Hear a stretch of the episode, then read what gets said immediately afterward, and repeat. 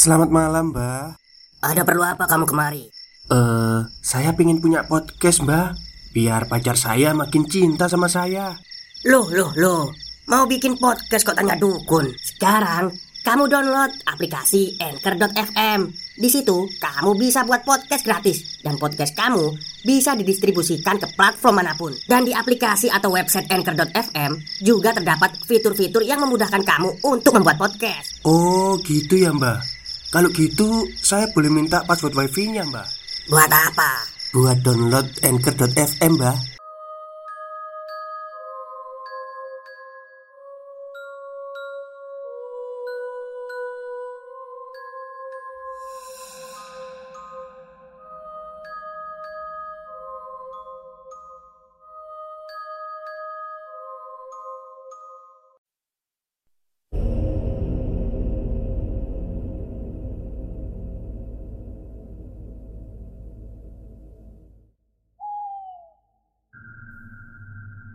Assalamualaikum warahmatullahi wabarakatuh. Halo semuanya Jumpa lagi dengan saya Chow Sing Sing Kurator dari podcast Horror Night Story. Halo apa kabar semuanya? Semoga kalian semua sehat-sehat ya. Dan di pagi Di siang hari ini Hari Senin eh, Saya akan membawakan sebuah kisah dari treat horornya Mas Kalong yang menceritakan tentang seorang pemuda yang tersesat di dunia goib. Oke, daripada kita berlama-lama, mari kita simak ceritanya.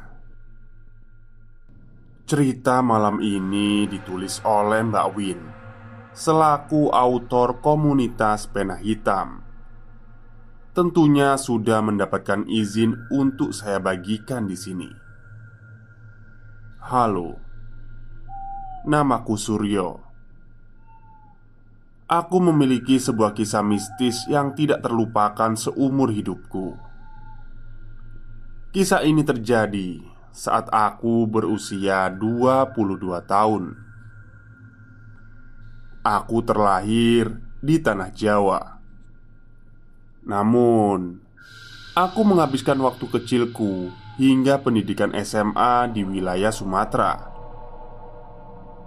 Selepas SMA, aku memutuskan untuk melanjutkan jenjang pendidikanku di tanah kelahiranku di wilayah Jawa, yaitu Solo. Walaupun aku memiliki darah asli suku Jawa, tapi pada kenyataannya aku tidak begitu memiliki pemahaman tentang budaya serta adat istiadat nenek moyangku ini. Suatu hari, Pak Deku, yaitu kakak dari ibuku, akan mengadakan hajatan ngunduh mantu anak mertuanya. Untuk keperluan itu, aku harus menginap di tempat saudara sepupuku itu di wilayah Magetan, Jawa Timur. Hal biasa bagi kami jika ada kerabat yang hendak mengadakan hajatan, maka kami akan membantunya. Mulai dari persiapan hingga acara usai, sifat gotong royong begitu lekat mendarah daging merupakan warisan leluhur yang masih berlangsung hingga saat ini. Awalnya aku berencana berangkat menuju wilayah Cemoro Sewu dengan mengendarai mobil bersama orang tua dan kerabat yang lain. Sayangnya, jam kuliah hari itu begitu padat sehingga aku memutuskan untuk berangkat seorang diri saja. Menyusul rombongan yang lain Yang lebih dahulu berangkat. Aku mengendarai sepeda motor seorang diri. Menyusuri jalan berbukit selama kurang lebih dua jam. Menjelang maghrib aku tiba di Cemorosewu. Konyolnya Mendekati gerbang pintu Cemorosewu Aku justru ingin buang air kecil. Akan tetapi, karena tidak menemukan kamar mandi, ya akhirnya aku terpaksa buang air kecil di tepi jalan, di balik pohon rindang yang tinggi. Selesai melepaskan hajat, akhirnya aku melanjutkan perjalanan kembali. Namun, entah apa yang terjadi selama hampir satu jam berkendara. Aku seperti berputar-putar pada tempat yang sama. Kepanikan mulai melandaku karena hari sudah mulai gelap dan jalur tidak ada pengendara lain yang lalu lalang. Sepi sekali, terasa mencekam dari ketinggian jalan yang kulewati. Aku bisa melihat kota lain yang diterangi lampu berkedip indah di bawah sana. Setelah berputar-putar beberapa kali, aku merasa lelah dan frustasi. Kemudian, aku memutuskan untuk berhenti di sebuah rumah kayu milik warga yang sudah tidak berpenghuni sambil menunggu. Barangkali saja akan ada pengendara lain yang melintas. Rasa letih dan lelah membuat kantuk menghinggapiku. Berbantal ransel dan jaket seadanya, aku baringkan badan pada dipan bambu rumah kosong. Aku nggak tahu berapa lama aku tertidur. Tiba-tiba saja gendang telingaku mendengar ada suara bising orang-orang yang bersilweran. Aku terbangun membuka mata. Tempat ini begitu ramai, bagai sebuah pasar. Ada bocah-bocah kecil berlarian di beberapa orang dewasa, sibuk tawar-menawar barang dagangan. Aku senang karena tak lagi kesepian Aku bangkit dan berjalan mengelilingi pasar tradisional itu. Aneka macam jajanan dan kebutuhan dijual di sini. Penciumanku mengendus aroma lezat sebuah masakan. Aku berjalan terus mencari sumber bau yang membuat perutku mendadak lapar. Sate, sate, sate. Teriak perempuan parubaya menawarkan dagangannya pada orang yang lalu lalang. Maaf bude. Beli satenya ya makan di sini. Aneh. Perempuan penjual sate itu seolah acuh. Dia terus berteriak lantang menawarkan satenya. Sepertinya dia mengalami masalah pada pendengaran Aku coba sekali lagi Sambil mencolek bahunya. Bude, tumbas Teriakku mengeraskan suara. Suasana tiba-tiba menjadi hening. Suasana yang tadinya riuh mendadak senyap. Mereka sejenak tidak beraktivitas. Semua mata menatap ke arahku. Kebingungan melandaku ada apa denganku? Apa aku salah dalam berkata-kata? Tak membutuhkan waktu lama. Keadaan mulai kembali normal. Ramai riuh selayaknya sebuah pasar. Nah, kalau lewat daerah ini harus malam. Sudah Ini makan dulu. Gak usah bayar kalau belum sampai tujuanmu, jangan noleh ke belakang ya.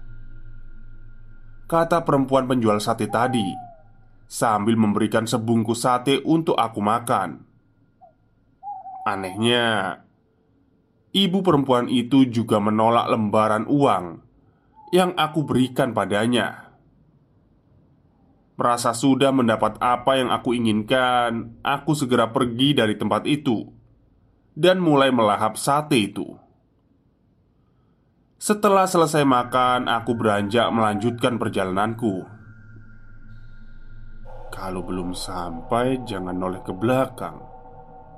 Kalau belum sampai, jangan noleh ke belakang. Kalau belum sampai, jangan noleh ke belakang. Aku terus mengulangi kata-kata perempuan tadi. Semakin kata-kata itu kuulangi, semakin perkataan itu mengusik diriku, memunculkan sensasi rasa penasaran pada diriku, memaksaku untuk menoleh ke belakang pada lokasi pasar yang baru saja aku tinggalkan. Wah, saat aku nekat melanggar larangan itu dan menoleh ke belakang, aku kaget tak terkira. Pemandangan aneh menyulut bulu kuduku. Puluhan makhluk dengan wujud yang menyeramkan memenuhi tempat itu. Aku ketakutan setengah mati. Kakiku lemas. Meski begitu, aku coba untuk berlari sekuat tenaga. Tapi kakiku sulit untuk digerakkan. Huh, huh. Aku mendekap mulutku karena tiba-tiba aku merasakan ada sesuatu yang bergerak dalam mulutku. Rasa mual melanda begitu hebat. Perutku serasa diaduk-aduk. Mulutku terasa penuh dengan sesuatu yang bergerak-gerak itu. Kemudian Aku berhenti dan memuntahkan isi makanan yang baru saja aku santap. Ku lepaskan dekapan tangan di mulutku. Seketika isi dari mulutku keluar semua. Ternyata belatung-belatung menjijikkan keluar dari dalam mulutku, terjatuh di tanah. Belatung-belatung itu bergerak dalam kubangan air liurku.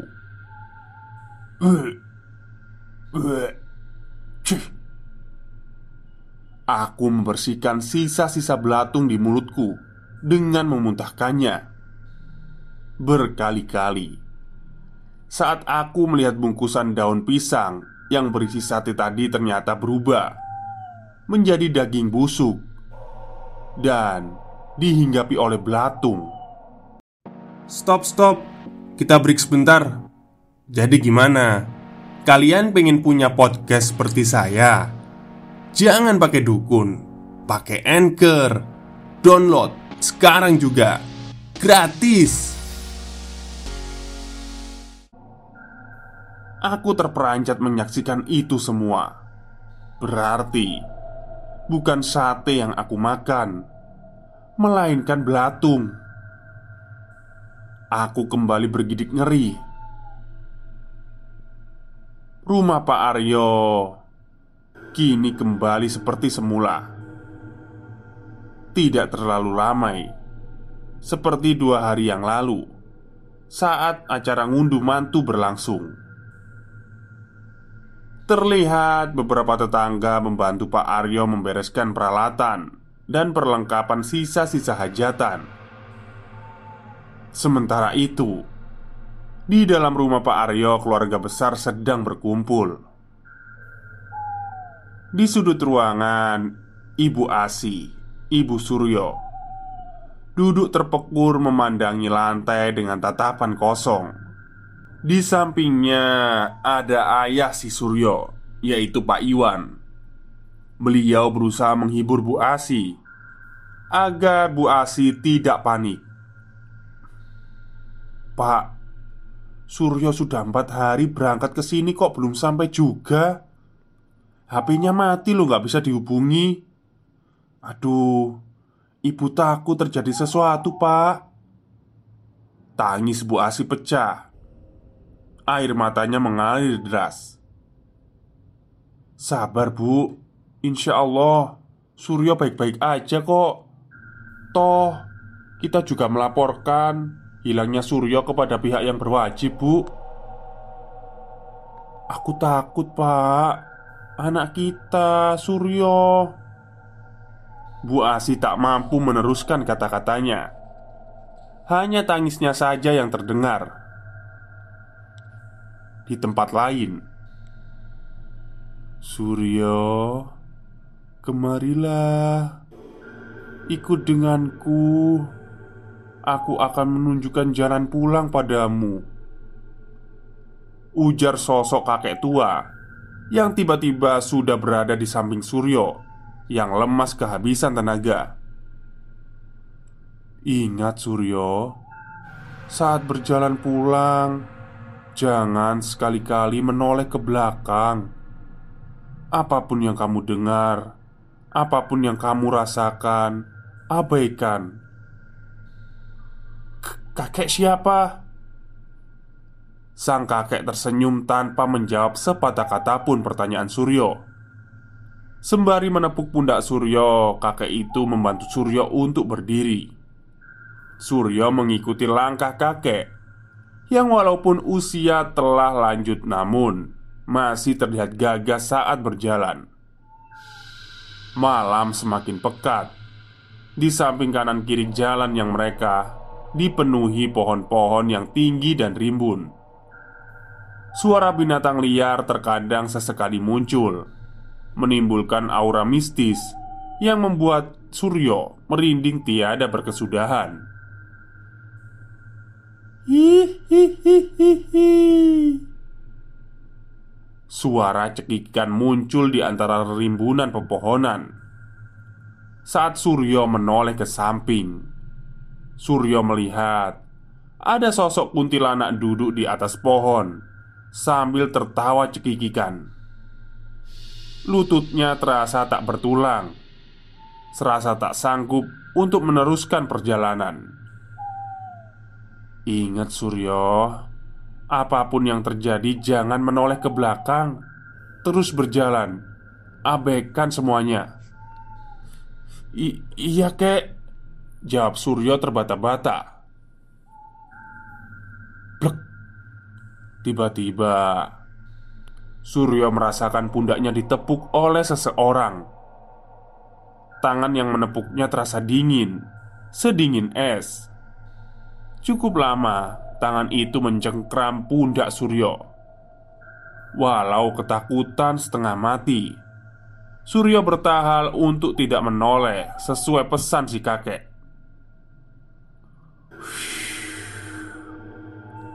Angin kencang berhembus dari arah belakang Suryo, membuat Suryo sedikit terhuyung ke depan. Dep, dep, dep. Suara langkah kaki mengikuti langkah Suryo.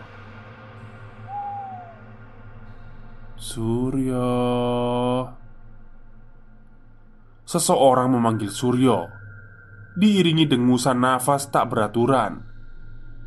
Spontan saja Suryo menoleh ke belakang. Suryo terkejut Dan berteriak. Saat ia menoleh Ternyata dia melihat sosok laki-laki berjalan tanpa kepala. Sementara Tangannya yang sebelah kiri seperti menenteng sesuatu. Di tengah ketakutannya, Suryo mengamati benda yang ditenteng oleh laki-laki itu. Saat dia melihat dengan seksama, ternyata jelas benda itu adalah kepala manusia. Sekilas saat dia beradu pandang dengan mata kepala manusia itu, matanya merah dan tiba-tiba senyum seramnya muncul saat menatap Suryo. Suryo berteriak sekuat tenaga. Saat ia mencari kakek yang menuntunnya, ternyata kakek itu sudah hilang lagi. Suryo, Suryo, Suryo. Suara-suara itu memanggilnya tiada henti. Deru angin kencang disertai kelebatan sosok-sosok menyeramkan. Berputar mengelilingi Suryo. Suryo terjatuh lunglai. Pandangannya menjadi gelap gulita. Sunyi dan senyap. Permisi Benarkah ini rumahnya Suryo, putra dari Bapak Iwan? Beberapa petugas kepolisian sudah berdiri di depan pintu rumah keluarga Suryo. Benar, Pak. Suryo anak kami. Dia sudah hilang dua minggu lebih pergi dari rumah. Kami takut terjadi apa-apa, Pak. Maaf, Pak Iwan. Kami ingin memberitahukan berita tentang Suryo anak Bapak. Dia sudah ditemukan di sebuah jurang. Tapi alhamdulillah Anak bapak sudah bisa kami evakuasi. Sekarang Suryo berada di rumah sakit. Kondisinya memprihatinkan. Ya, bapak berdoa saja. Semoga Suryo bisa diselamatkan. Ayo pak. Kita ke rumah sakit. Kita cari Suryo. Pak Iwan dan Bu Asi Menuju rumah sakit tempat Suryo dirawat hanya saja, setibanya di rumah sakit, Suryo seperti linglung tak mengenali mereka. Butuh waktu dua bulan mengobati Suryo ke orang pintar hingga Suryo bisa pulih seperti sedia kala. Selesai. Oke, itulah cerita singkat dari treat horornya Mas Kalong yang menceritakan seorang pemuda yang tersesat di sebuah pasar ya. Ternyata pasar setan. Sebenarnya pasar setan itu banyak ya, tapi kalau yang umum itu kan ada di daerah gunung ini ya, Arjuna ya. Tapi ternyata di tempat lain juga ada pasar setan. Oke, mungkin itu saja cerita untuk siang hari ini. Kurang lebihnya saya mohon maaf. Wassalamualaikum warahmatullahi wabarakatuh.